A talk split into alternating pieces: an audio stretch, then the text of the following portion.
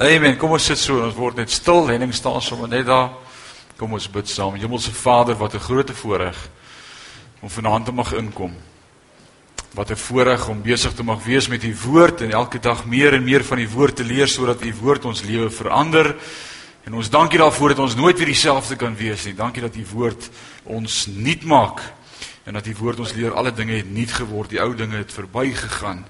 Ons loof U vir U woord. Word vanaand verheerlik ook in ons midde. Ons gebed is dat ons onsself wil oopstel in hierdie aand hier en ontvanklik maak vir U woord en ons wil bid kom Vader en werk in ons. Dankie dat U woord ons leer. Filippense 1:6 dat hy wat die werk in ons begin het, dit sal volëindig tot op die dag van Christus. Ons dankie vir hierdie werk wat U in ons begin het en ons gee vir U al die lof en die eer in Jesus naam en ons sê amen en amen. Amen. Dit is 'n voorreg om saam met julle hier te wees vanaand. Ons is besig met die tabernakel. Interessante plek gewees. En baie simboliek. Ons is besig om Christus te ontdek ook in die Ou Testament en van hom te lees. So kom ons lees vanaand saam in Eksodus 36 van vers 31 af as ek reg is. Eksodus Eksodus 26, skus, vanaf vers 31. Ons het begin by Eksodus 25. Hoe sê ons? 26 verse 31 Exodus Exodus 26 en ons is besig om daar te gesels en ons het laasweek klaar gemaak met die struktuur van die tabernakel vir wie was laasweek 'n blessing geweest as jy dit nie het nie kry die CD as jy hom nog nie kon kry nie ek uh, Daar was so 'n tegniese foutjie gewees. Die CD het glad nie laasweek opgeneem vir een of ander rede nie. En uh hy sal oorgepreek word. Moenie stres nie. Hy sal deel wees van die reeks en ons het die notas. So ons gaan hom oorpreek, maar ons is vanaand besig met Eksodus 26 en ons gaan vanaand gesels oor die voorhangsel. Great, die voorhangsel. Dit gaan 'n blessing wees. Dit was vir my hierdie week opnuut so groot blessing om te ontdek die voorhangsel en al die simboliek in die voorhangsel en wat dit vir ons beteken en wat dit vir ons inhou en ek seker vanaand gaan vir ons elkeen 'n blessing wees. Alraai, vers 31. Verder moet jy 'n voorhangsel maak van pers en purperrooi en bloedrooi stowwe en fyn dubbeldraad linne. As kunstige werk moet jy dit maak met gerubs. Jy moet dit ophang aan vier pilare van akasia hout wat met goud oorgetrek is en ook kramme van goud het en op vier silwer voetstukke staan. En jy moet die voorhangsel onder die hakkies ophang en bring die ark van die getuienis daar binnekant die voorhangsel. En die voorhangsel moet vir julle 'n skeiding maak tussen die heilige en die allerheiligste. Vers En jy moet die voor die versoendeksel op die ark van die getuienis neerlê in die allerheiligste. En sit die tafel buitekant die voorhangsel. Watter tafel is dit? Tafel met die toonbrode en die kandelaar teenoor die tafel aan die suidekant en van die tabernakel, maar die tafel moet aan die noordekant sit. Alraai, kom ons stop daar. Ons het gekyk na die tabernakel sover. En ons sê dat hierdie tabernakel verdeel is in hoeveel gedeeltes? 3 dele. Baie belangrik. Alraai. Die eerste gedeelte, die groot deel wat jy sien van ver af was die wat genoem. Die binnehof of die voorhof. Alraai, dis die heining. Die tabernakel self. En as jy by hierdie voorhof sou inkom of in hierdie erfgedeelte inkom van die tabernakel, wat was reg voor jou gewees? Die altaar, die koperaltaar, ons gaan nog in diepte daaroor gesels, is 'n groot blessing. En as jy by die koperaltaar verby sou beweeg, dan kom jy by die waskom. Hierdie gedeelte was die eerste gedeelte van die tabernakel. Dan op hierdie tabernakel grond was daar die fisiese tent self gewees. Hierdie tent was in die dimensie van 45 by 15 voet. Nou hoeveel voet is 'n meter? Omtrent 3, so kom ons sê 3 3.3. So dit was omtrent 5 meter by 15 meter. Op hierdie stuk grond was hierdie tent gebou gewees en daarna het ons laasweek gekyk na hierdie tent gebou.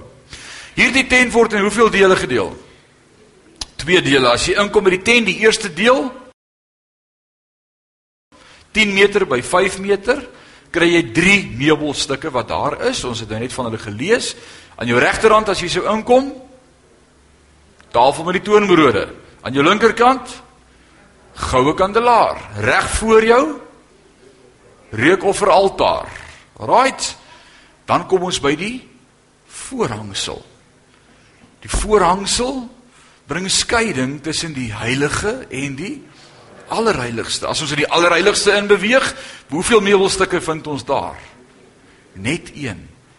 Eintlik sien ons dit as een, maar eintlik is die woord duidelik daaroor dis eintlik twee dinge. Alraight. Dit is eintlik drie dinge, maar ons sien dit as 'n een eenheid. Dis die wat die ark. Wat was die ark gewees? Die ark is 'n houtkus wat met wat oorgetrek is? Goud met die goudstokke in sodat dit gedra kon word. Dit was mobile. Binne in hierdie ark moes hulle iets gesit het, die wet. Alraight. En dan is hier die deksel opgesit wat eintlik die derde deel is. Die eerste een was die ark self. Die versoendeksel word apart van gepraat. 'n Versoendeksel was iets om toe te maak. Dit moes eintlik die ark bedek. Alraight. Die versoendeksel, op die versoendeksel was twee engele of gerubs. Wat het die gerubs gedoen? Na mekaar gekyk met hulle vlerke uitgesprei oor die versoendeksel. En dan wat het op die versoendeksel gebeur? Wat was daar teenwoordig? 'n Bybel. Die woord, die wet was binne-in gewees, maar wat was bo op die versoendeksel? Wat het daar gebeur in die allerheiligste? Die teenwoordigheid van God was daar. Die Shekinah glory. Alraight.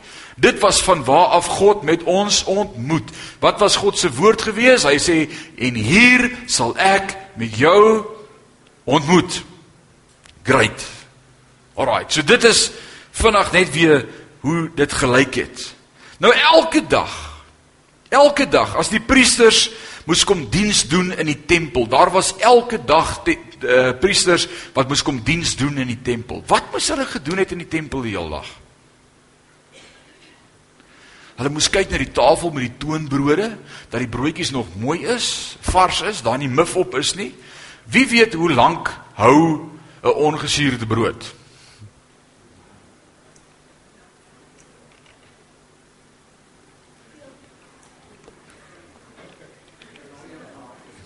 Dis nou nie vars boerbrood nie, hoor. Dat ek dit nou vir jou sê. Ek het bietjie gaan oplees oor hoe om ongesuurde brode te maak. Dit was maar 'n platterige, harde storie gewees. Alraai, ongesuurde brode. So ons weet nie hoe lank dit vars gebly nie, maar hulle moes voortdurend sorg dat daar 12 brode op is. Wat verteenwoordig die 12? 12 stamme van Israel. Wat het ons gesê is daar nog 12 van? In die Nuwe Testament, die 12 apostels. Verteenwoordig die Ou Testamentiese bedeling en die Nuwe Testamentiese bedeling. Dit verteenwoordig vir jou en vir my vanaand, die brood. En dan aan die linkerkant was dit die, ons het dit laasweek voor laasweek behandel, die kandelaar. Hulle moes elke dag gegaan het en daardie putte geknip het sodat dit nie gerook het soos ons gehoor het hoe 'n lamp dit kan rook as hy nou te lank raak nie. Hulle moes dit knip en weer aansteek en seker maak dat daar genoeg olie in die lampe is. Daai lamp moet altyd brand. OK. Hou die olie in jou lamp, hou dit brandend. Dit was presies wat daar gebeur het. Daai lampie moes brandend bly. En dan voor hulle in die middel was daar so 'n klein vierkantige altaartjie gewees, die reukofferaltaar en ons gaan nog daarby kom hoe ons die reukoffer daarop moes uitgooi sodat daar 'n lekker aangename reuk is daar in die tabernakel. Alraight, so dis hierdie 3 goed wat teenwoordig was en hulle moes elke dag diens doen. So hulle was voortdurend in die heilige gedeelte. Maar hoe gereeld kon hulle in die allerheiligste kom? slegs eenmal per jaar. Slegs eenmal per jaar. En wie kon ingaan? Al die priesters? Slegs een priester en hy was die hoëpriester. En wat was die doel gewees dat hy eenmal 'n jaar ingegaan het in die allerheiligste om te offer? Hoe het hy geoffer in die allerheiligste? Hy het die bloed gevat van daardie offer wat daar voor op die koperaltaar geoffer is en hy het 7 keer op die versoendeksel vir ons gespat. En dan het hy ingetree vir die volk sodat God vir 1 jaar die sondes van die volk sou uitstel. Nooit afstel nie. Anders was Jesus nie nodig nie. uitgestel totdat Jesus dit was 'n vingerwyse, Jesus gaan kom, Jesus gaan kom, Jesus gaan kom elke jaar. Alraai, dis wat dit gedoen het. Great. So nou kom ons vanaand en ons praat oor die voorhangsel. So wat is die betekenis van die voorhangsel? Ons het sover in elke ornament en elke meubelstuk en elke oprigting, elke konstruksie iets gesien van Jesus Christus. Is dit nie so nie? Is dit nie great nie? Om Jesus in alles te sien. Nou wil ons praat vanaand oor die voorhangsel. So ons weet dat alles sover in die tabernakel wys na Christus. So wat weet ons van die voorhangsel? Johannes 1 sê vir my in die begin het wat gebeur? Die woord het vlees geword. Hy het onder ons kom woon. En wat is daai Griekse woordjie vir woon? Hy het onder ons kom tabernakel. Is dit nie pragtig nie? Hy het onder ons kom woon, hy het hier kom bly, kom tabernakel, die direkte verbintenis. So, wat is die voorhangsel? Hebreërs 10 vers 19. Hier is jou eerste skrif vir die aand. Ons eerste klou hoe om te sien wat die voorhangsel vir ons beteken. Hebreërs 10 vers 19 en 20 sê: Terwyl ons dan, broeders, vrymoedigheid het om in die heiligdom in te gaan deur die bloed van Jesus op die nuwe en lewende weg wat hy ons ingewy het deur die voorhangsel heen. En dan sê hy die volgende hy sê dit is sy vlees. Staan dit in jou Bybel? Staan in my Bybel Hebreërs 10 vers 20 dit is sy vlees So wat is die voorhangsel? Wat sê Hebreërs vir ons? Wat is die voorhangsel? Paulus skryf vir ons, hy sê die voorhangsel is die vlees van Christus. Alraai, so jy moet dit nou onthou, jy moet 'n mental note maak. So as ons vanaand gaan kyk na die simboliek in die voorhangsel, dan wil ons dit in die vlees van Jesus sien. Onthou ons double check alles. Ek kan nie net vir jou iets sê en dan sê jy ek glo dit net nie. Ons wil dit verifieer. Dit is belangrik, ons leef in 'n tyd en 'n day and age dat almal van ons data verifieer. Ons wil seker maak ek glo reg. Alraight. So hier skryf Paulus vir ons, ons kan deur die voorhangsel gaan, dis Jesus se vlees met die bloed. Alraight. So kom ons kyk daarna. So hoe gaan ons in die allerigste heiligste in deur die vlees van Jesus? Kom ons kyk. Eksodus 26 vers 31, ons eerste versie, het wat gesê vir ons?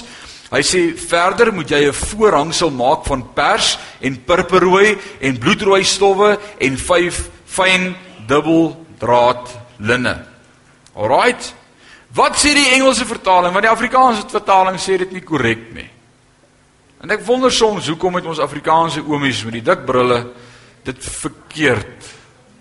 Verse 31 says, "And thou shall make a veil of Wat is die eerste kleur in die Afrikaanse Bybel? Pers. Snaaks dat as ek gaan kyk in die Engelse Bybel, dan is die eerste kleur blue. Wie weet blou en pers is nie dieselfde nie. Glad nie. Alraight. Die Engels sê dit korrek soos wat die oorspronklike Hebreëse teks dit ook vir ons aandui. Hy sê make a veil of blue and purple and scarlet and fine twined linen. Dis die vier kleure. Blue, purple, scarlet, fine twine linen. Dis die vier kleure in die volgorde van die vier kleure. So kom ons kyk dan aan die eerste plek blue, blou. Wat het ons vir mekaar gesê is blou? Ons het laasweek daaroor gepraat. Wat is blou? Blou laat ons dink aan die Ons het die volkslied wat gesê het, "Ai die blou van ons hemel." Alraight, dis nie waar ons dit vandaan kry nie. Alraai, die Bybel leer ons as dit praat oor blou, dit gaan oor die hemele. So blou is hemel. So as ons sê die voorhangsel verteenwoordig die vlees van Jesus Christus en ons sê blou was die eerste kleur, dit gaan oor hemel. Ek wil sê Jesus het 'n hemelse bewustheid gehad in sy hele bediening op aarde. Kan ons dit so sê uit die evangelies uit? Hy was te alle tye bewus van die hemel, van waar hy vandaan kom, waaroor dit gaan en waarheen hy teruggaan. Hy was koninkryks bewus. Alraai, hy leer sy disippels bid. Hy sê onsse Vader wat in die hemel is. Ouens, meer as een keer praat Jesus oor hemel. Hy het geweet sy perspektief wat hy voor hom gehad het was van die hemele en hy was hemelsbewus geweest. Dit was sy lewe op aarde. Hy was hemelsbewus. Imagine as ek en jy in ons lewetjie hemelsbewus kan raak.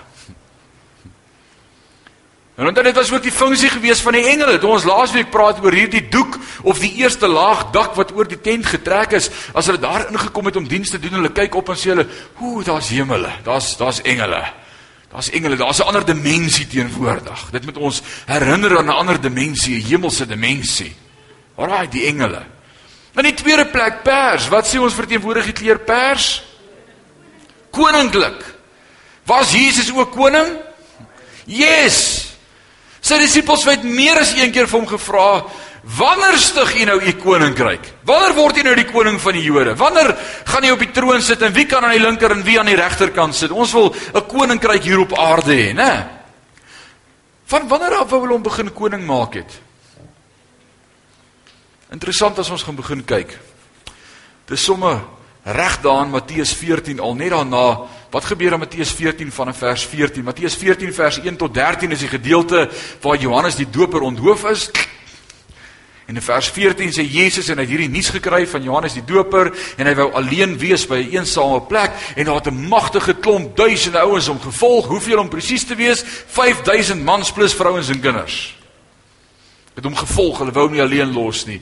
In vers 14 sê en hy het hulle innig jammer gekry, had compassion on them, die Griekse woordjie splagt niets estai. Sy ingewande het in hom gedraai van empatie vir hierdie skare wat agter hom aanloop en hy het die siekes gesond gemaak en hy het vir hulle kos gegee. Hy voer hierdie hoeveel duisend ouens sal ons sê was daar? Sal 5000 mans was.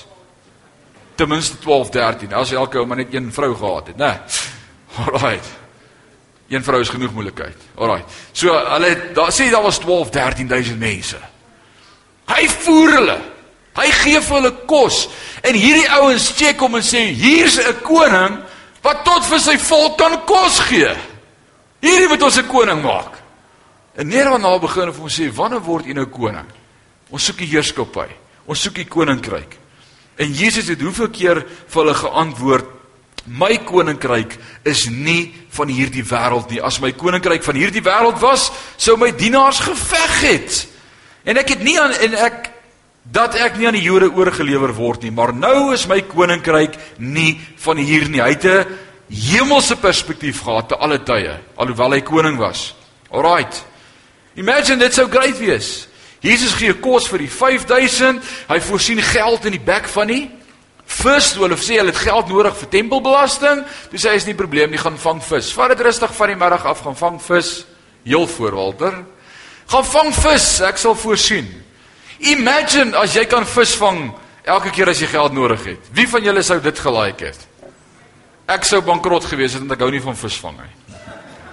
I just don't like it. Alright. I enjoy. Is net so goed. I enjoy. Right, so Jesus was hemelsbewus, blou, die perse uit 'n koninkryksmentaliteit gehad. Hy was 'n koning gewees. Nou, hier's vir ons ons eerste probleem. Dis vir ons 'n probleem dat Jesus meer fokus op koninkryksdinge as op ons behoeftes. Wie wil vanaand eerlik groot genoeg wees om te sê dis waar? Ek en jy vind 'n probleem daarmee, want ons wil hê God moet in ons materiële dimensie voorsien en hy sê, "Ag, uh, uh, ek is koninkryksbewus." Ek sien waar jy op pad is en daar's 'n ewigheid in hiernamaals. Daar's nie tyd om te mors nie. Wat jy nou nodig het, is nie die belangrikste nie. Jy het nodig om karakter te bou, om integriteit te bou, om groot te word in die woord, om jou te vestig in die woord. Daar's belangriker dinge as wat jy nou wil hê. En ek en jy het daarmee 'n probleem. Net soos sy disippels daarmee 'n probleem gehad het omdat Jesus nie net vir hulle wou voorsien in hierdie dimensie nie. En vir baie ouens daar buitekant is dit 'n probleem. Ons fokus op die tydelike, maar ons koning is meer gefokus op ons ewige status. Ouens, ek en jy is op pad in die ewigheid in. Wie weet dit? As jy dit vanaand nie weet nie, die moeilikheid. Ons gaan nie vir altyd hier wees nie. Alraight? Ek sê dit altyd en ek gaan dit weer sê. Dit lyk vir my niemand kom lewendig hier weg nie. Ek gaan nie en jy gaan nie. Alraight? Daar's niks sê daaroor nie, ouens. Dis niks om oor te huil daaroor nie. Moenie hartseer raak nie. Moenie dat die koue sweet op jou uitslaan nie. Ons gaan doodgaan. Alraight. Dalk kom die Here ons haal terwyl ons nog lewe. Dis sal great wees. Maar weet jy wat as hy nie kom in ons lewenstyd nie, beloof ek jou ons gaan ons oë toemaak, ons asem uitblaas, maar ons gaan inwoon by hom om vir altyd by hom te wees. Ons kan nie ons hele lewe bou om hier en nou nie. Dis tydelik. Dis tydelik ons woon net in. En dis wat Jesus time and again vir ons probeer leer, is ons moet 'n koninkryksvisie hê. Ons moet groter dink, ons moet breër dink, ons moet hemelsbewus wees, ons moet ewigheidsbewus wees. En baie keer is die dinge wat ek en jy nou wil hê, nie deel van God se plan om ons voor te berei vir ewigheid nie. God wil karakter bou, hy wil hy wil hy wil statuur bou in ons.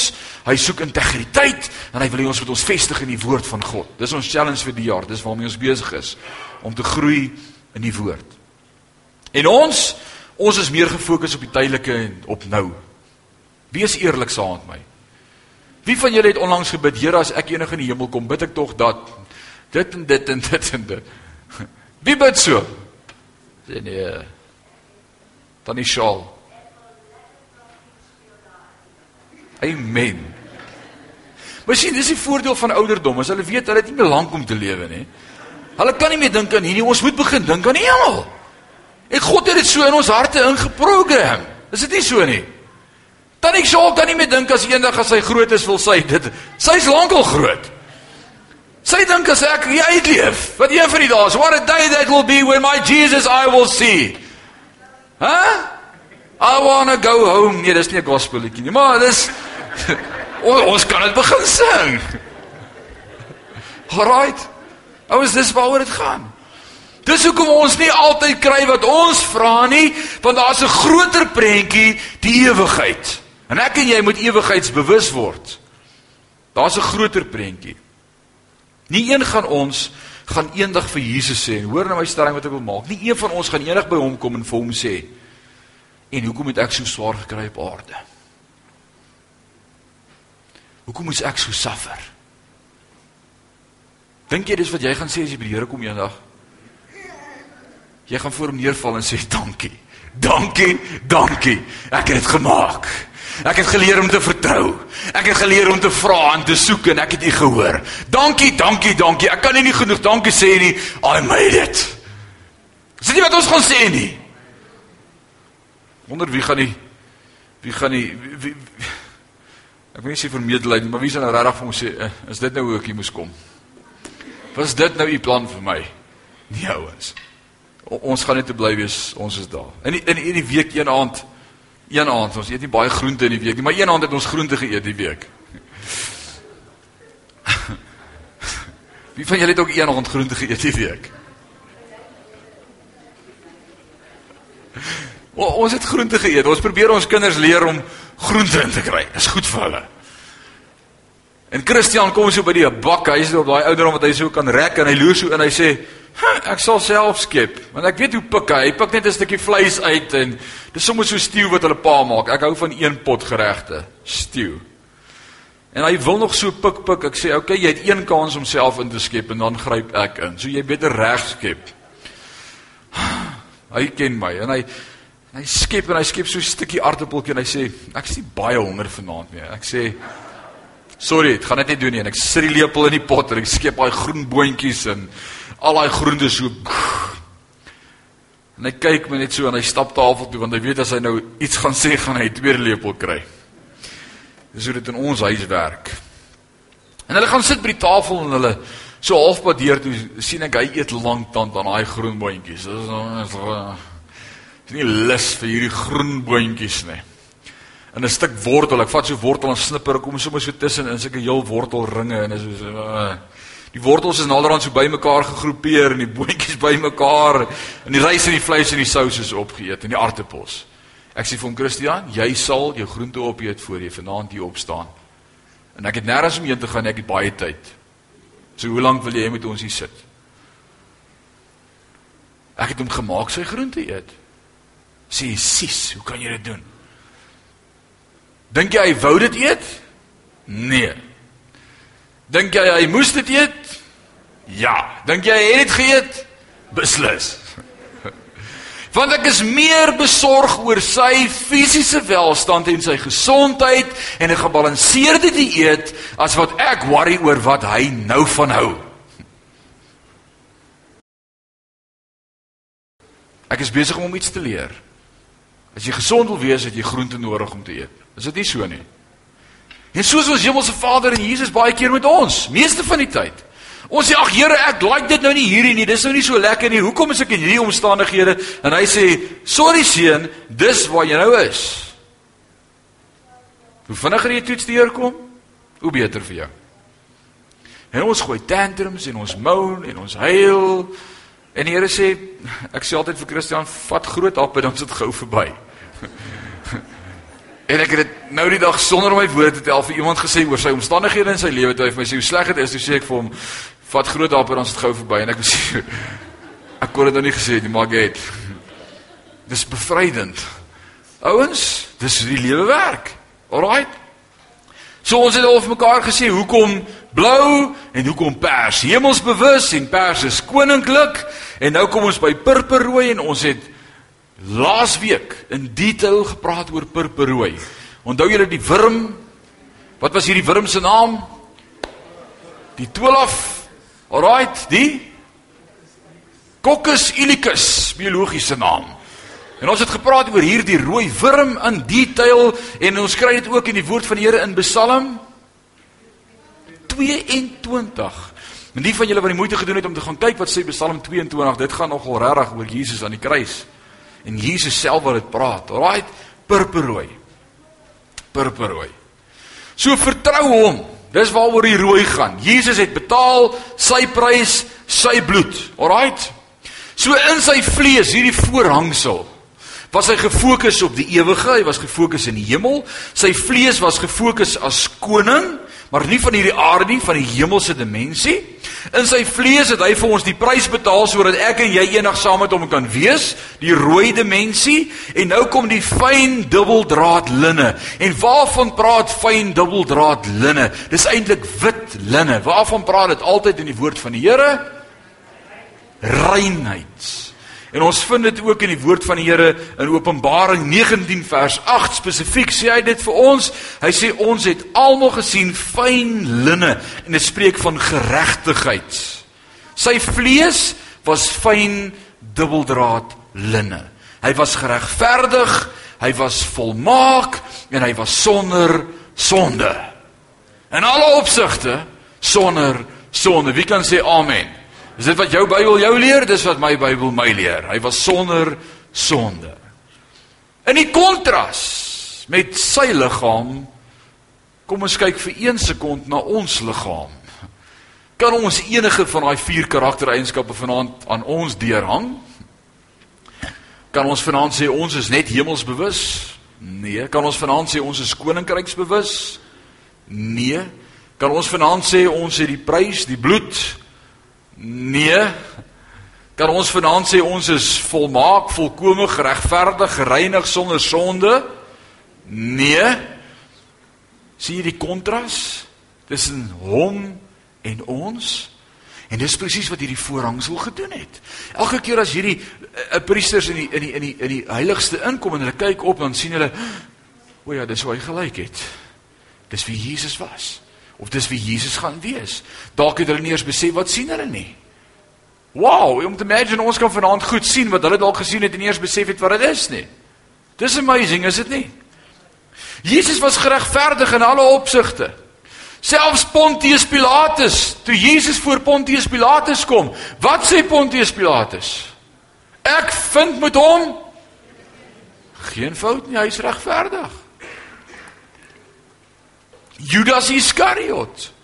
Judas Iskariot wat Jesus verraai het. Wat sê Judas Iskariot van Jesus se verraad? Wat sê hy? Hy sê onskuldige bloed het ek verraai. Tot hy verklaar dit. Wat sê die hoofman oor 100 daar op die berg Golgotha toe Jesus gekruisig word? Wat sê hy? Waarlik Hy is die seun van God. Hy is rein. Hy is heilig. Niemand kon ooit fout vind by hom nie. Dubbeldraad winne, fyn geweefde dubbeldraad linne. Alraight. Pragtig. Jesus se vlees was hemelsbewus, koninkryksbewus. Hy was ons paaslam en hy was volmaak. Dit spreek van die vlees van Jesus. Jesus kan ons sover sê dat dit wat Hebreërs ons leer klink soos die waarheid. Hebreërs 10:19 en 20. Dit klink soos die vlees van Christus. Alraight. Kom ons gaan aan. As kunstige werk moet jy dit maak met gerubs Moet engele. Nou ons het laasweek geleer hoekom die engele in die tempel moes wees om ons te herinner aan 'n engel bewustheid. Om op ons neer te kyk dat ons sal besef hier's engele om ons. Ons het gepraat oor hoekom engele en waaraan herinner hulle ons? Waaraan herinner die engele ons aan? Die geestelike dimensie en dat ons moet wat wees? Versigtig en ondergeskik aan mekaar. Submissive was die mooi Engelse woord wat ons behandel het. Kan julle dit onthou? Ons moet submit. Net soos wat die vrou aan die man moet submit in die kerk opset, so moet ons onsself onderwerp aan Christus, want die engel dimensie het presies geweet hoe lyk engele wat nie submit nie. Wat het gebeur met die derde van die engele? Hulle is uit die hemel geskop omdat hulle nie wou submit. Hierdie engele het eerstehandse ervaring van wat dit beteken om nie te submit nie. Hulle het gesien wat gebeur met Adam en Eva in die tuin. Toe hulle nie wou submit nie. En hulle het ons die hele tyd daaraan herinner as hierdie priesters instap in die tempel en kyk op, daar's 'n ander dimensie wat kyk op ons. Ons moet bewus wees van hierdie dimensie. Maar hoekom nou in die vlees van Christus? Hoekom dink julle is daar engele? So met ander woorde op hierdie voorhangsel was daar ook engele ingegrafieer met kunstige werk. Wat was die nut daarvan gewees? Kom ons dink bietjie. Wat was die nut van engele in die vlees en in die lewe van Jesus Christus op aarde.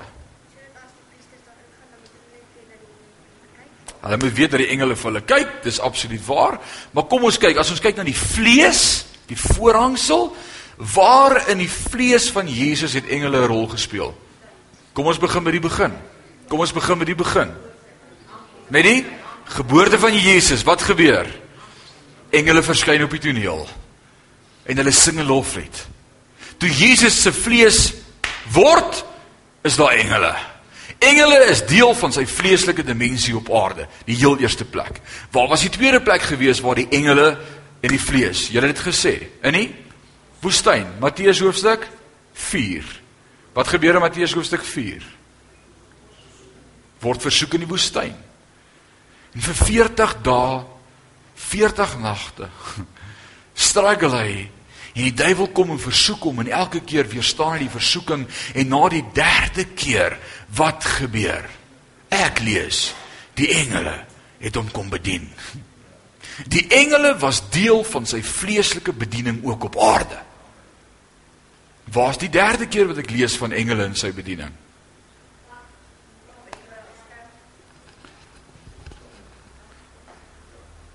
Die graf was na sy lewe gewees in die vlees. Getsemane tannie Ans. In Getsemane. Wat doen hy daardie aand in die tuin van Getsemane? Hy bid. Hy doen intersessie. Hy tree in vir my en vir jou. Hy bid vir ons. En dan gaan hy terug by hulle dan slaap. Hulle maak hulle wakker en sê kan julle nog 'n uurtjie saam met my bid nie. Dan gaan hy weer en dan bid hy. En wat sê die woord van die Here? Die woord van die Here sê vir my dat die bloed die sweet het soos bloed geword sy intensiteit waarmee hy gebid het. Die sweetdruppels het bloed uitgeslaan op hom. Dis intens. En wat sê die woord toe vir my? En 'n engel uit die hemel het hom kom versterk en hom kom bedien. Sê vir my, waar staan dit? Lukas 22 vers 43. Nie al die evangelies sê dit dieselfde nie. Ouens, daarom, daar's 4 evangelies. As jy iets in die een lees, lees dit ook in die ander 3 sodat jy 'n breër prentjie kry van wat daar staan. Nie al vier skryf vir dieselfde nie. En alles staan ook nie in al vier nie. Maar Lukas sê dit vir ons. Nou wat was Lukas? Wie was Lukas gewees? Lukas was die die GP. En Lukas het dinge anders gesien as die ander. Hy het anders ingesteld gewees op die fisiese dimensie. En hy skryf vir ons sy sweet het soos bloed geword, maar die engel het hom kom bedien en versterk. Die derde keer in Jesus se vleeslike bediening op aarde wat engele direk verband hou met sy vlees. Kan jy sien hoekom was daar engele gewees op hierdie op hierdie voorhangsel wat die vlees van Jesus verteenwoordig? Want daar was ook engele teenwoordig in Jesus se vleeslike bediening op aarde. Is dit nie great so ver nie? Amen. Dis baie interessant. Alraight.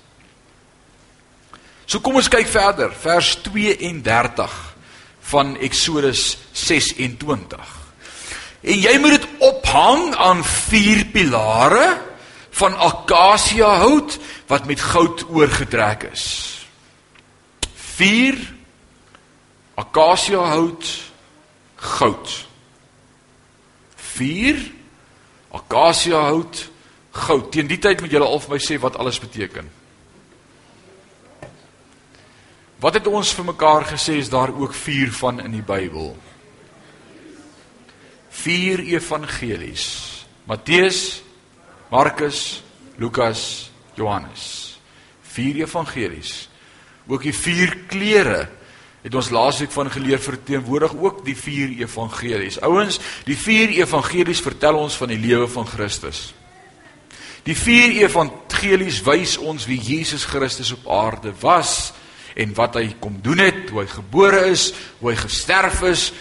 Dit vertel vir ons van Jesus. Alraai, die vier evangelies Die vier evangelies lig Jesus op vir ons in die Bybel. Is dit nie so nie? Hierdie doel van hierdie vier pilare was om die voorhangsel op te lig. Dis die doel van die evangelies in die Bybel om die voorhangsel vir ons op te lig. As jy wil weet van Christus, gaan begin die evangelies te lees hoe hy gedink het, hoe hy opgetree het, wie het hy gesond gemaak, wat het hy geredeneer, hoe het hy opgetree met die fariseërs en die sadduseërs, hoe het hy opgetree met die vrou by die put, ont wie het hy genade gehad, wat het hy gesê vir die vrou wat in oorspel betrap is, wie het hy weggejaag en wie het hy nader getrek, wie is hy? Die vier evangelies leer dit vir ons. Alraight. Dan kry ons ook die hout en die goud. Hout praat altyd van die mens En goud praat altyd van die goddelikheid. Alraai, die vier evangelies sê vir ons Jesus was mens en God. Hy was God en hy was mens. Hy was die seun van God en hy was die seun van die mens. Hy was hout, maar hy was ook goud. Is dit great? Kan ons so sê? Alraai. Ek wil ook 'n verdere stelling ingooi daar, so klip in die bos en los dit daarby.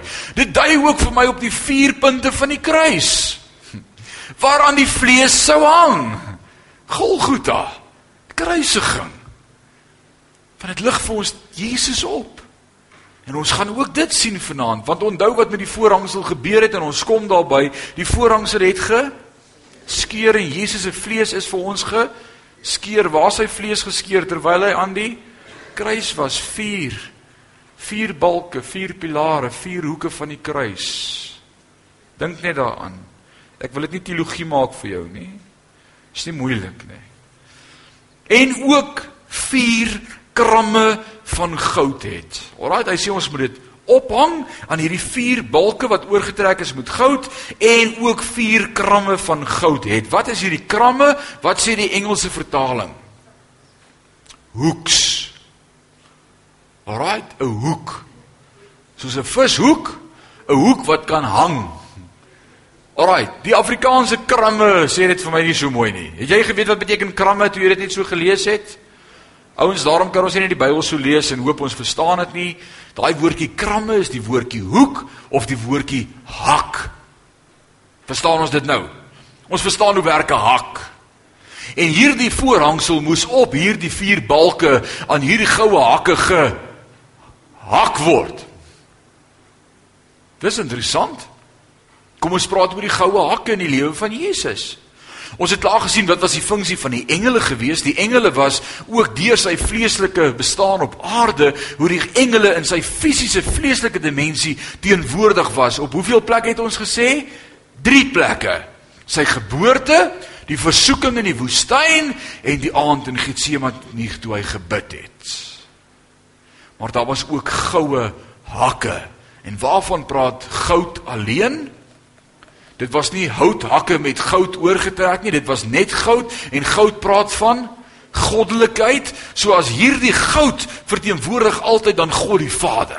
Want Jesus was vlees en God. Alraai, hy was houtgoud. Maar as dit net goud is, God die Vader. So kom ons kyk gou die vlees word opgehou deur die ingrypende hoeke van God die Vader in sy bediening op aarde. Kan ons sê daar was ingrypende momente in die lewe van Jesus op aarde? Was daar hakke wat sy bediening opgehou het op aarde? Waaraan kan julle dink? Sê gou. Toe hy gedoop is, Matteus hoofstuk 4. Wat sê die stem uit die hemel? Dis my geliefde seun. Hier's 'n goue hak en ek hou hom op. Ek sê vir julle dis my kind daai. En die eerste hak wat ons sien, die goue hak.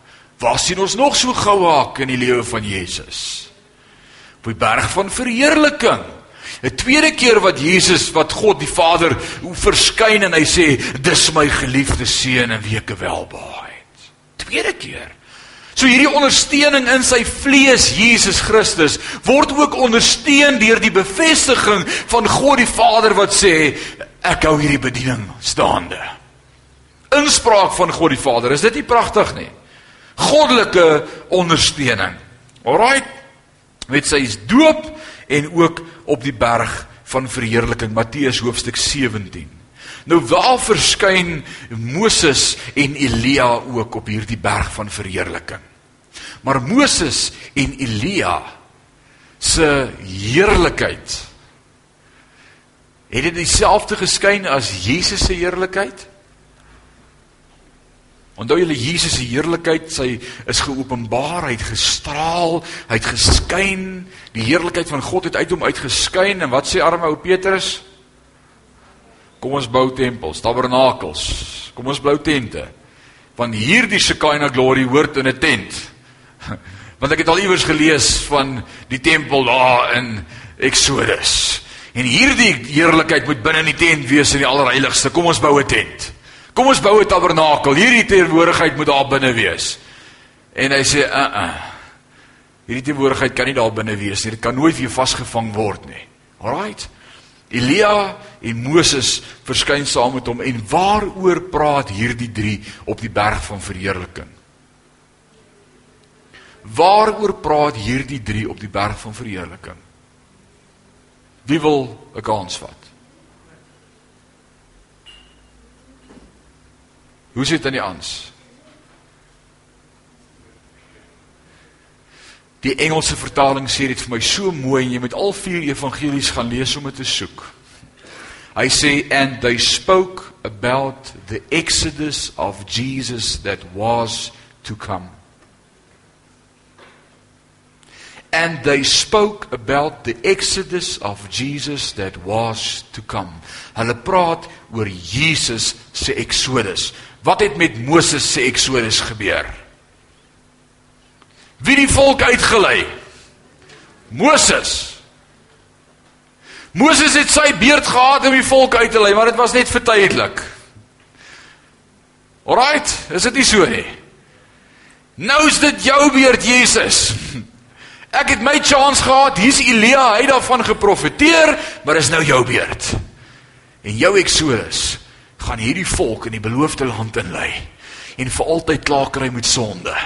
Dis nou jou beurt, Jesus. Jy gaan dit doen. And they spoke about the exodus of Jesus that was to come. Sy kruisiging. Wanneer hy vir ons vir altyd betaal vir sonde aan die kruis. Is dit nie amazing nie? As Petrus net sy ore bietjie oopgehou het, sou hy dit gehoor het, maar hy het dit gemis. Want hy wou tente bou. Ons moet ons ore oop hou. Alraight.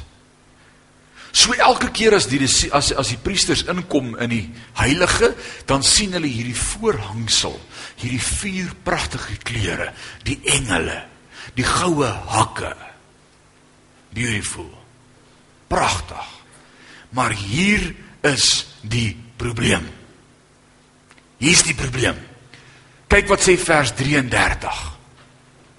Hier is die probleem. Vers 33. En die voorhangsel moet vir julle 'n skeiding maak tussen die heilige en die allerheiligste. God het van die begin af beplan dat dit juis is wat hierdie voorhangsel gaan doen. Dit is wat die vlees van Jesus gedoen het. Dit het skeiding gebring tussen die heilige en die allerheiligste. En wat was in die allerheiligste? Die heerlikheid van God. Die vlees van Jesus het skeiding gebring. Alhoewel hierdie Jesus ons koning wat hemelsbewus was en wat die offer vir ons was, wat geregverdig was met engele en op houtpilare vir ons daar is, bring dit vir jou en vir my skeiding. Mens sê nie ek ek verstaan nie wat jy sê nie. Dit bring jy skeiding dat ons nie God se heerlikheid kan beleef nie, want God verklaar in en deur sy seun wat dit vat om geregverdig te wees. En elke keer as ons Jesus aanskou, dan sê dit vir ons dis hoe jy moet lyk om God te beleef. Want voordat jy in die allerheiligste kan kom, was die voorhangsel en die voorhangsel was volmaak. En die voorhangsel sê vers 33 het skeiding gemaak tussen die alledaagse ouetjies en die teenwoordigheid van God. Die voorhangsel Jesus Christus se beeld van hoe seun van God moet lyk is vir my en vir jou 'n probleem omdat ons skei van die teenwoordigheid van God want ons vergelyk onsself met hom en ons sê ons kan nie so lyk nie. En ek sal nie kan ingaan nie want ek is 'n sondige mens met sonde. Hoor jy wat ek sê? Is dit nie wat die voorhangsel vir ons wys nie? Dat ons gebrekkig is nie, dat ons probleme het nie? Hier is die standaard, hier hang hy, volmaak. Kan jy so lyk? Kan nie. Dis slegs wanneer ek verstaan ek kom kort en kan nie in my eie vermoë en die vrye geskenk van verlossing aanneem dat ek besef dat Christus reeds vir my betaal het en dat ek nie meer so hoef te lyk nie dat ek kan ingaan. Hoor jy wat ek sê? Dis slegs wanneer ek Christus aanvaar as die volmaakte offer wat reeds ingegaan het dat ek en jy met vrymoedigheid kan ingaan. En daarom kan iemand wat buite staan wat Christus nog nie aanvaar het as hulle verlosser en saligmaker nie, kan nie in die allerheiligste ingaan nie want hulle het nie 'n middelaar nie. Want ons kan dit nie maak in die allerheiligste in sonder God die Vader en sonder die Seun Jesus Christus en die prys en die bloed in sy vlees nie. Ons kan nie. En dis presies wat hierdie voorhangsel vir ons gesimboliseer het. Om te kom by God die Vader, moet jy gaan deur Jesus Christus. Is dit nie pragtig nie? Jy kan nie by die God uitkom sonder Jesus Christus nie. Wat het ek vir julle geleer in Matteus 22 laas jaar, 'n hele reeks daarop gedoen amper, die gelykenis van die bruilof. Wat het ek vir jou geleer? Jesus God vra die derde keer toe hy die opdrag uitgee, laat almal kom. Nou gaan julle op die kruispaaie en julle maak almal bymekaar wat julle kan kry. En toe hy daar inkom om te kyk, toe sien hy een daar sonder 'n bruilofsleef en hy vra vir hom, "Vriend, hoe het jy hier gekom? Jy het nie die kleed aan nie. Want jy kan nie sonder die kleed by my kom nie." En wie weet ons wie's die kleed? Jesus Christus. Jy kan nie na die Vader kom sonder sy seun Jesus Christus nie. Wow. Dis amper 'n preek op sy eie daai. Dit is 'n preek op sy eie. En om te dink dis van die begin af vir ons ingeskryf in die Ou Testament. Jesus Christus. En dit was die probleem. As jy eerlik by die voorhangsel kan kom staan en jouself sien in dieselfde lig as die seun, maar ons kan nie. En dis hoekom die voorhangsel skeiding gebring het. Want iets moes aan ons kant gebeur het voordat ons hier kan deurgaan. En dit was die konstante herinnering van die job. Dit was die job van die voorhangsel gewees om ons te herinner jy gaan nie in as jy nie volmaak is nie. En wat moes die arme hoëpriester doen as hy homself wou voorberei om daar binne te gaan offer vir ons? O oh man, Hy moes homself heilig en reinig en afsonder en vas en bid en hoop daar's nie sonde in sy lewe nie. Want as jy in God se teenwoordigheid kom met iets in jou lewe wat verkeerd is, het jy gesterf. Daarom sal ons ook sien later het hulle tou om sy enkel vasgebind sodat as hy sou ingaan in die voorhang sal onderdeur en hy kom in die heiligste en daar was dalk iets in sy lewe wat verkeerd was. Dan het dit nie gemaak nie. Maar daar was klokkies onder aan sy kleed gewees. Ons gaan daarby kom. En die klokkies, hulle ek dink die klomp priesters het almal hier by die by die by die voorhangsel gestaan en geluister. Dingelingeling en dingeling. Hoor julle iets? Ek hoor niks. En ek dink om pluk daai tou en hoor jy dingelingeling. Ken jy hy leef nog? Maar as dit te lank stil was, het hulle hom uitgetrek. Anders moes hulle jare wag voor hom kon kry daar binne. Imagine hoe gaan dit dan ryk. Alraait, hulle kan nie so lank wag nie. Jy moes volmaak wees as jy wou ingaan. Alraight. So hierdie pragtige voorhangsel het mense uitgehou uit die allerheiligste. Dit was die funksie gewees daarvan. Dit het skeiding gebring, vers 33, tussen die heilige en die allerheiligste. Nou wil ek jou gou saam met my vat vanaand na Lukas 23. Lukas hoofstuk 23. En ons gaan gou 'n bietjie kyk daar. Wat sien ons vanaand daar? Hier sien ons die voorhangsel, Jesus Christus hang aan die vier houtpilare. Dis Jesus aan die kruis. Sy vlees hang aan die kruis en kom ek en jy kyk gou vanaand wat kan ons hier uit leer. Vers 39 van Lukas 23. Lukas 23:39 sê die volgende. As jy daar skryf, blaai, lees saam met my. En een van die kwaaddoeners wat opgehang is of gekruisig is, het hom gesmaat en gesê: As jy die Christus is, verlos jouself en ons. Maar die ander een antwoord en bestraf hom en sê: Vrees jy ook God nie? Terwyl jy in dieselfde oordeel is, ons tog regverdiglik. Want ons ontvang die verdiende loon vir ons dade, maar hy het niks verkeerd gedoen nie. Hy identifiseer hierdie volmaakte voorhangsel, hierdie vlees wat hier hang aan die kruis sonder sonde. En hy sê vir die krimineel aan daai kant: "Hey, ons hang hier uit ons verdienste loon uit. Kyk hoe lyk ons. Ons let op ons sondige toestand, maar hierdie een, hy verdien dit nie." En dan kyk hy verby hom en hy sê vir Jesus: "Dink aan my, Here." Wanneer u in die koninkryk kom. Wat het die voorhangsel gedoen? Skeiding gebring tussen hier en daar tussen die heilige en die allerheiligste. En wat identifiseer hierdie krimineel in hom? Hy sê dink aan my as jy hier deurgaan na die allerheiligste toe. Hierdie krimineel het iewers ter iets gelees van die Ou Testament. Hy het iets gelees van die seun van die mens. Hy het iets geweet van die tabernakel. Hy sê dink aan my as u aan die ander kant kom. Daar in die allerheiligste. En Jesus antwoord hom: "Maar ouens, hier is die hier is die sleutel.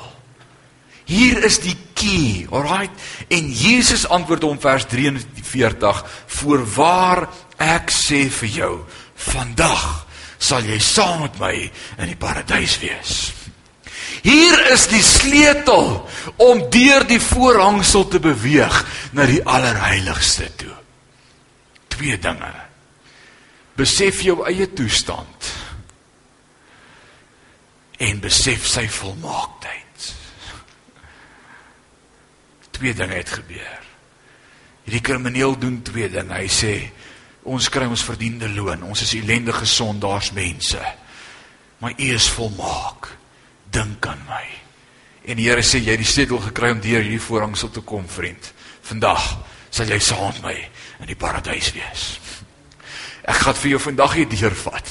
En jy hoef nie 'n jaar te gaan afsonder om voor te berei of te vas of te bid en te hoop daar's die son in jou lewe nie. Al wat jy nodig het, is jy het my nodig en jy het jou eie gebrekkigheid nodig. En om dit te bely en dis hoekom ons na Christus kan kom en sê red ons, ons is verlore, ons is sondaars. Maar dankie vir u genade wat vir ons genoeg is. En die Here sê, vandag sal jy saam met my in die paradys wees. Ek sien nie dat hy hom eers teruggestuur het sinagoge toe en gesê het word eers besny nie. Ek kan nie sien dat hy hom teruggestuur het en gesê het gaan lees eers die wet nie. Ek kan nie sien dat hy hom teruggestuur het en gesê het gaan leer eers die Pentateeg uit jou kop uit nie. Nee. Hy sê jy het jouself gesien, jy het my gesien, jy kan ingaan. Is dit nie great nie?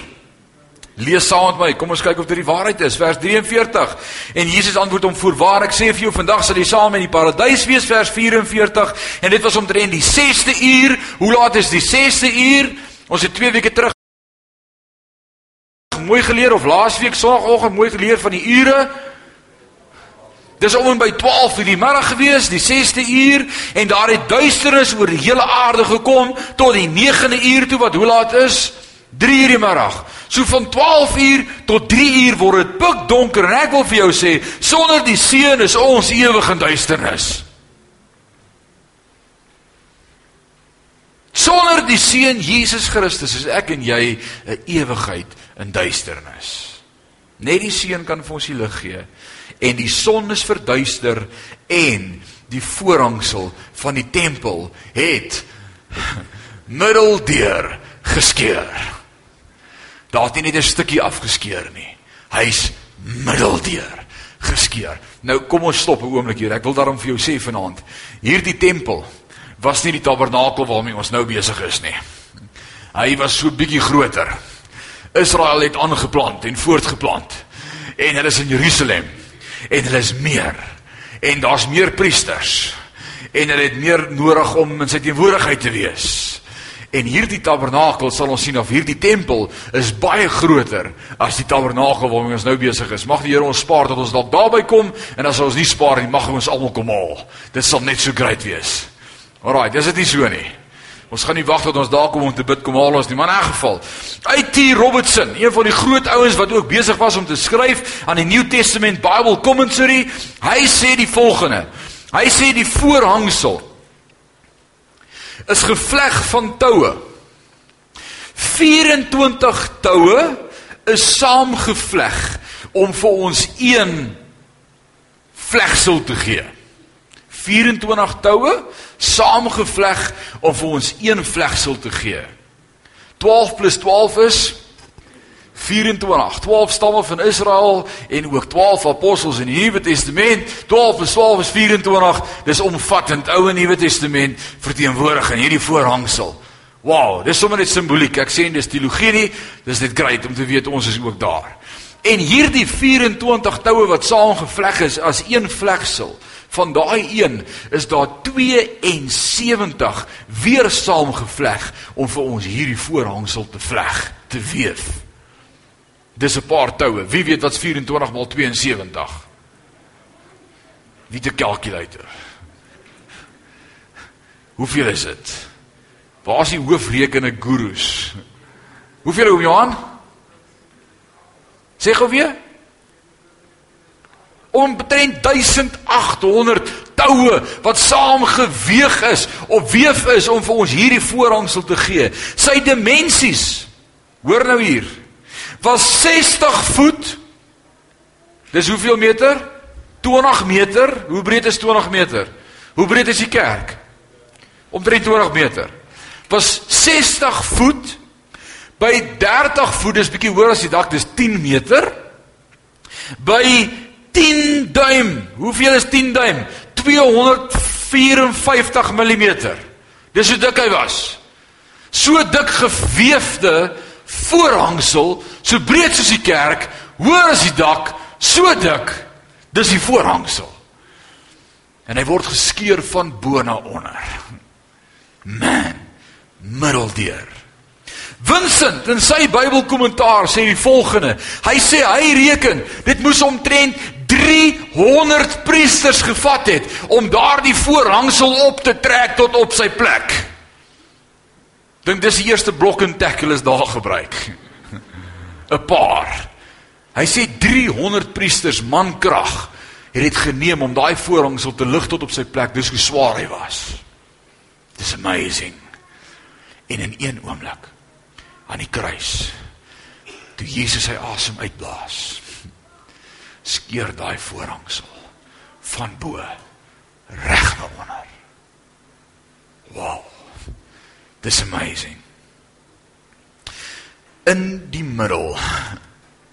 Nou dink gou saam met my. As jy op daai oomblik 'n priester wat was wat diens gedoen het in die tempel. Ek dink jy het vir jou vrek geskrik. Imagine net jy was op daai oomblik in die tempel. Ons weet daar was elke dag priesters in die tempel, hulle het diens gedoen. Dit was hulle verantwoordelikheid om daar te wees. Hulle moes daar wees. Hulle het geweet hier agter gaan jy nie in nie. Waar was jy? Vrek. Jy wil doodgaan. Alraight. Hier's groot moeilikheid hier agter. En die volgende oomblik hoor hulle en hulle kyk. Ek wonder wat het hulle gedink. Ek wonder wat het hulle gedink. Ek dink daai priesters het op hulle aangesig geval en gesê Here, hier gaan ons. Ons het iets gesien wat ons nie mag gesien het nie. Ons het iets gesien wat ons in ons lewe nie sou gesien het nie. Ons het die allerheiligste gesien. Wat het nou gebeur? Wat het nou gebeur? Net dink hulle het so afgeval op hulle gesigte en vir mekaar geloer en gesê: het ek my verbeel of jy het ook gesien. Hy sê ek het dit ook gesien, jy het dit gesien. Sê ja, ons leef nog. Hoekom is ons nie dood nie? Van die een van ons mag die voorhangsel gesien, ons mag nie radeer nie, ons mag nie die allerheiligste sien nie. Wat het gebeur? Oh. God se teenwoordigheid is nie meer daar agter nie. Hy het onder ons kom woon. Die heerlikheid van God is nie meer daar by die ark nie. Daar op die versoendeksel nie. Hy het gesê ek begeer 'n verhouding met jou, 'n verhouding met jou, 'n verhouding met jou Karel, 'n verhouding met jou, met jou, met elkeen van ons. Ek wil hier uit. Ek is moeg om hier agter die gordyn te sit. Ek wil met julle kom praat. En daai arme priesters het op hulle aangesig geval en gesê: "O Hemel, vanaand is ons dood." Ek wil die volgende sê: Dit wat vroeër die skeiding was, het nou die brug geword na die allerheiligste. Jesus wat die skeiding was tussen ons en God, wat vir ons gewys het julle is gebrekkig, julle het sonde, julle is nie volmaak nie, julle lyk nie soos ek nie, julle kan nie by God die Vader kom nie want julle het sonde in julle lewe. Hy het juis nou vir my en vir jou die brug geword sodat ons kon ingaan in die allerheiligste. Het ek skrif vir dit? Ja, ek het skrif vir dit. 2 Korintiërs 5 vers 21. 2 Korintiërs 5 vers 21 sê vir ons die volgende: Want hy het hom wat geen sonde geken het nie, sonde vir ons gemaak sodat ons kan word geregtigheid van God in hom.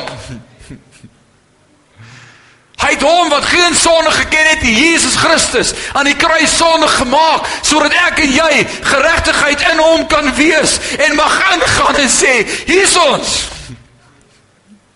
Dit wat skeiding gebring het en gesê het jy moet uit, is dit wat nou sê, nou kan jy kom. Net soos wat jy is. Die voorhangsel het geskeur. Wow, julle lyk so opgewonde. Alraai, dis ou nuus vir julle, ek weet. Lukas 23 vers 46, kom ons lees net verder. En Jesus het met 'n groot stem uitgeroep en gesê: Vader, in U hande gee ek my gees oor. En toe hy dit gesê het, blaas hy die laaste asem uit. Wat sê die Engelse Bybel? Wat het hy gesê? Um, when Jesus had cried with a loud voice, he said, Father, into thy hands I commend my spirit. Father, into thy hands I commend my spirit. Ouens, hier's 'n groot sleutel. Wie van julle is Jode? Nee nee, ons het baie om te leer. Ek dank die Here vir navorsing en vir internet en vir tegnologie en vir boeke. Ek dank die Here vir kennis. Dis amazing. Mag die Here in ons elkeen se hart so honger gee vir die woord van God. En weet jy die feit dat jy hier is ons sê vir my daar's honger. Dis amazing. Ek wil julle salueer dat julle die moeite doen om op 'n Sondag aand hier te kom sit om die woord van die Here beter te verstaan. Wat het hierdie reeks sover vir jou en jou lewe beteken? Het jy gegroei? Het jy Jesus ontdek? Ouens, jy kan nooit weer teruggaan na waar jy was nie. Kom ek vertel dit vir jou. As daai priester een keer ingekyk het in die allerheiligste, gaan hy nooit weer wonder hoe lyk dit daar nie. Hy gaan nooit weer dieselfde kon wees nie. Dis amazing. Alraight. Ek wil vir jou die volgende sê. Jesus sê: "Vader, in U hand gee ek my gees oor." Elke Jood. Elke Jood. Elke Jood voor hy in die aand aan die slaap raak in sy bed. Net soos wat Dewald by die tafel sit en deesdae bid, op my stoeltjie sit ek nou met my handjies teruggevou. Ek dink is teruggevou. Saamgevou. Sien ek was nie in so skool nie. En nou die dag toe hou hy al op, toe sê ek nee, jy moet bietjie verder luister volgende keer. En laasweek toe hoor ek hy bid hom nou al deur tot dankie vir alles wat ons drink, amen. Hy modify hom so op die einde. Net soos wat ons ons rotine ou gebedjies het wat ons maar bid in ons kultuur, so was die kultuur van elke Jood. Elke aand as hy op sy bed gaan lê, dan sê hy: "Vader, in U hande gee ek my gees." Nou. Ek gaan nou slaap night.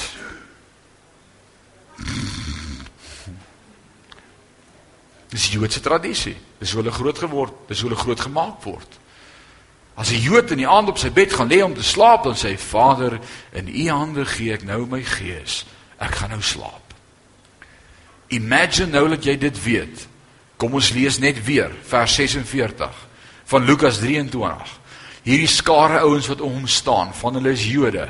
Hulle sien hoe word Jesus gekruisig. Dit was donker. En Jesus roep met 'n groot stem en hy sê ek gaan nou slaap. Wat? Wat bid hy nou? Wat verklaar Jesus deur hierdie gebed te quote en spesifiek hierdie woorde uit te roep wat al hierdie ouens geweet het wat dit beteken? Wat sê hy vir hulle? Ek gaan weer opstaan. Is dit nie amazing nie? Hy verklaar dit, hy sê ouens, ek gaan nou 'n bietjie slaap, ek is nou moeg. In u gee, in u hande gee ek my gees. En hy het sy asem uitgeblaas. Ek dink daai mense was verwonderd geweest. Wat het ons nou gesien? Ons het hom gesien sterf, maar ons hoor hoe sê hy hy gaan net slaap. Ouens, daar's niks in die Bybel toevallig nie. En ons weet vroeg daardie Sondagmôre toe hulle by die graf kom, was die graf leeg en die kopdoek was opgevou en daar was twee engele. En die engele het vir hulle gesê wat soek julle die een wat leef tussen die dooies het hy nie gesê hy slaap net nie? Hy's nie hier nie. It's amazing. Vers 47 en toe die hoofman oor 100 sien wat gebeur het hy God verheerlik en gesê: "Waarlik, hierdie man was regverdig." Die hoofman oor 100 en ek wil vir jou sê om 'n hoofman oor 100 te gewees het in die Romeinse ryk, het dit van jou verwag om al 'n paar mense om die lewe te kon bring. Jy moes al 'n paar ouens kon doodmaak. Jy moes 'n paar ouens voor die vuurpeloton kry. Jy was verantwoordelik om 'n paar ouens al bietjie reg te help op die pad of van die pad af uit te haal. Jy het al ouens gesien sterf in hierdie proses om 'n hoofman te wees oor 100. En hierdie hoofman oor 100 staan en kyk hoe sterf Jesus aan die kruis. En hy hom verheen dop. En toe hy dood is, toe sê hy: Ek het al baie ouens sien sterf. Maar hierdie ou was 'n regverdige ou. Man. Daar was geen vlek op hom nie. Hy was sonde vry gewees.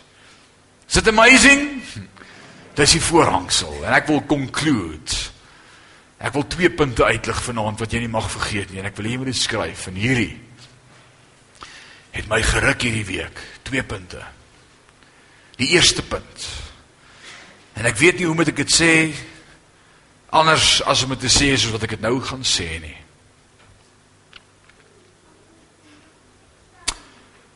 Moenie dat enige iemand jou kry of op die plek bring waar jy die voorhangsel wie wil toewerk nie.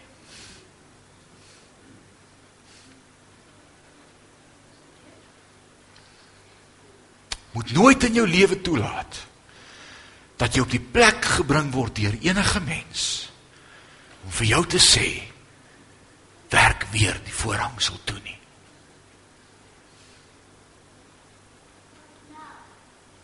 Wat beteken dit? Wat probeer jy sê? Hoe hoe so? Ouens, die voorhangsel is oop. En ons het vrye toegang. Alraight. Ons het vrye toegang.